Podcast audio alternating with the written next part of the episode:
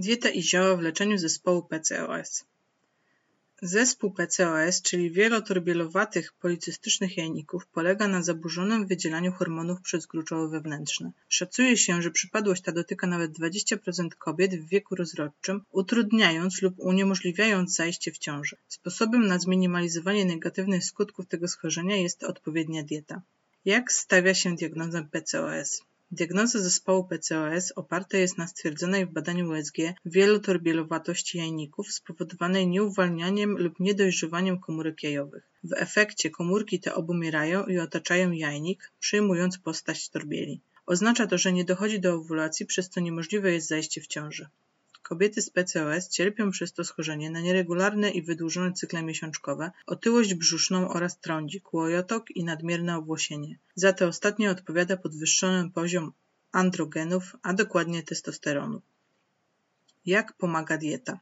Zaburzona gospodarka hormonalna może spowodować rozwój insulinoodporności i cukrzycy typu drugiego, przyczynić się do wzrostu ciśnienia tętniczego krwi, co uszkadza układ sercowo-naczyniowy i podwyższonego cholesterolu. Dlatego też, jeśli zostanie u nas zdiagnozowane to schorzenie, powinnyśmy czym prędzej zadbać o odpowiednią dietę. Z jednej strony uchroni nas ona przed rozwojem wspomnianych dolegliwości, a z drugiej wpłynie korzystnie na nasz metabolizm, ograniczając skutki niewłaściwego działania hormonów. Warto, abyśmy do diety włączyły też odpowiednie zioła, bo to właśnie one są w stanie obniżyć poziom hormonów, które na skutek PCOS mają zbyt wysokie stężenie.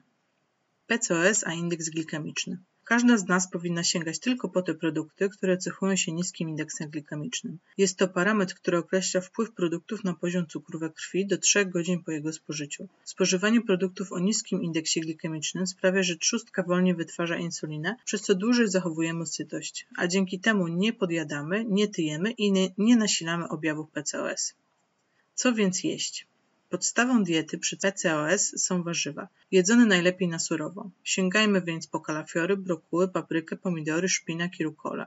Pomimo, że przy PCOS powinno unikać się węglowodanów, nie należy jednak całkowicie rezygnować z owoców. Powinnyśmy jednak jeść tylko te, które cechuje niska zawartość cukrów, jak np. maliny, jeżyny, truskawki, limonki, kiwi, borówki. Nasza dieta powinna być wzbogacona o produkty pełnoziarniste. Koniecznie należy wykluczyć z niej białe pieczywo. Z kasz wybieramy tylko te o niskim indeksie glikemicznym, jak kasza bulgur i gryczana. Dla kobiet cierpiących na PCOS zalecane są orzechy i migdały, które nie zawierają cukrów, podobnie jak jaja, chude mięso, ryby oraz nabiał, choć tu musimy uważać, aby nie były zbyt tłuste, co sprzyja tyciu. Zioła w diecie przy PCOS. Jednym z popularnych ziół bardzo polecanym paniom z PCOS jest rumianek pospolity. Zawiera on naturalne fitoestrogeny, stymuluje miesiączkę, a do tego obniża poziom cholesterolu całkowitego w surowicy krwi, z którym zmaga się większość kobiet z PCOS. Rumianek wpływa też pozytywnie na poziom cukru i tłuszczy w naszym organizmie. Panie z PCS powinny sięgać także po miętę pieprzową, bowiem i ona obniża poziom androgenów, zmniejszając tym samym objawy hirsutyzmu, czyli nadmiernego owłosienia. Również kurkuma obniża poziom androgenów, a do tego jej spożywanie zmniejsza ryzyko insulinoodporności. Zielona herbata to kolejne nieocenione wsparcie dla kobiet z PCOS. Sięgnijmy po nią, jeśli walczymy z podwyższoną glukozą we krwi i gdy chcemy obniżyć poziom insuliny. Pamiętajmy, że automatycznie obniży się wtedy poziom testosteronu, co ograniczy niepożądane owłosienie na naszym ciele.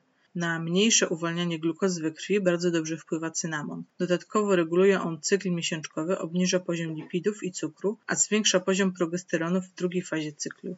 Jeśli natomiast zmagamy się z, z nadmiarem prolaktyny, co jest również częste przy PCS, pomocny będzie niepokolanek mięsi. Z czego koniecznie zrezygnować? Oczywiście ze słodyczy i słodzonych produktów spożywczych. Zaliczają się do tego także słodziki. Koniecznie odstawmy też produkty z białej mąki pszennej, alkohol i papierosy. Pamiętajmy, że odpowiednia dieta i zioła nie zawsze zastąpią leczenie farmakologiczne, ale doskonale potrafią je wspomóc.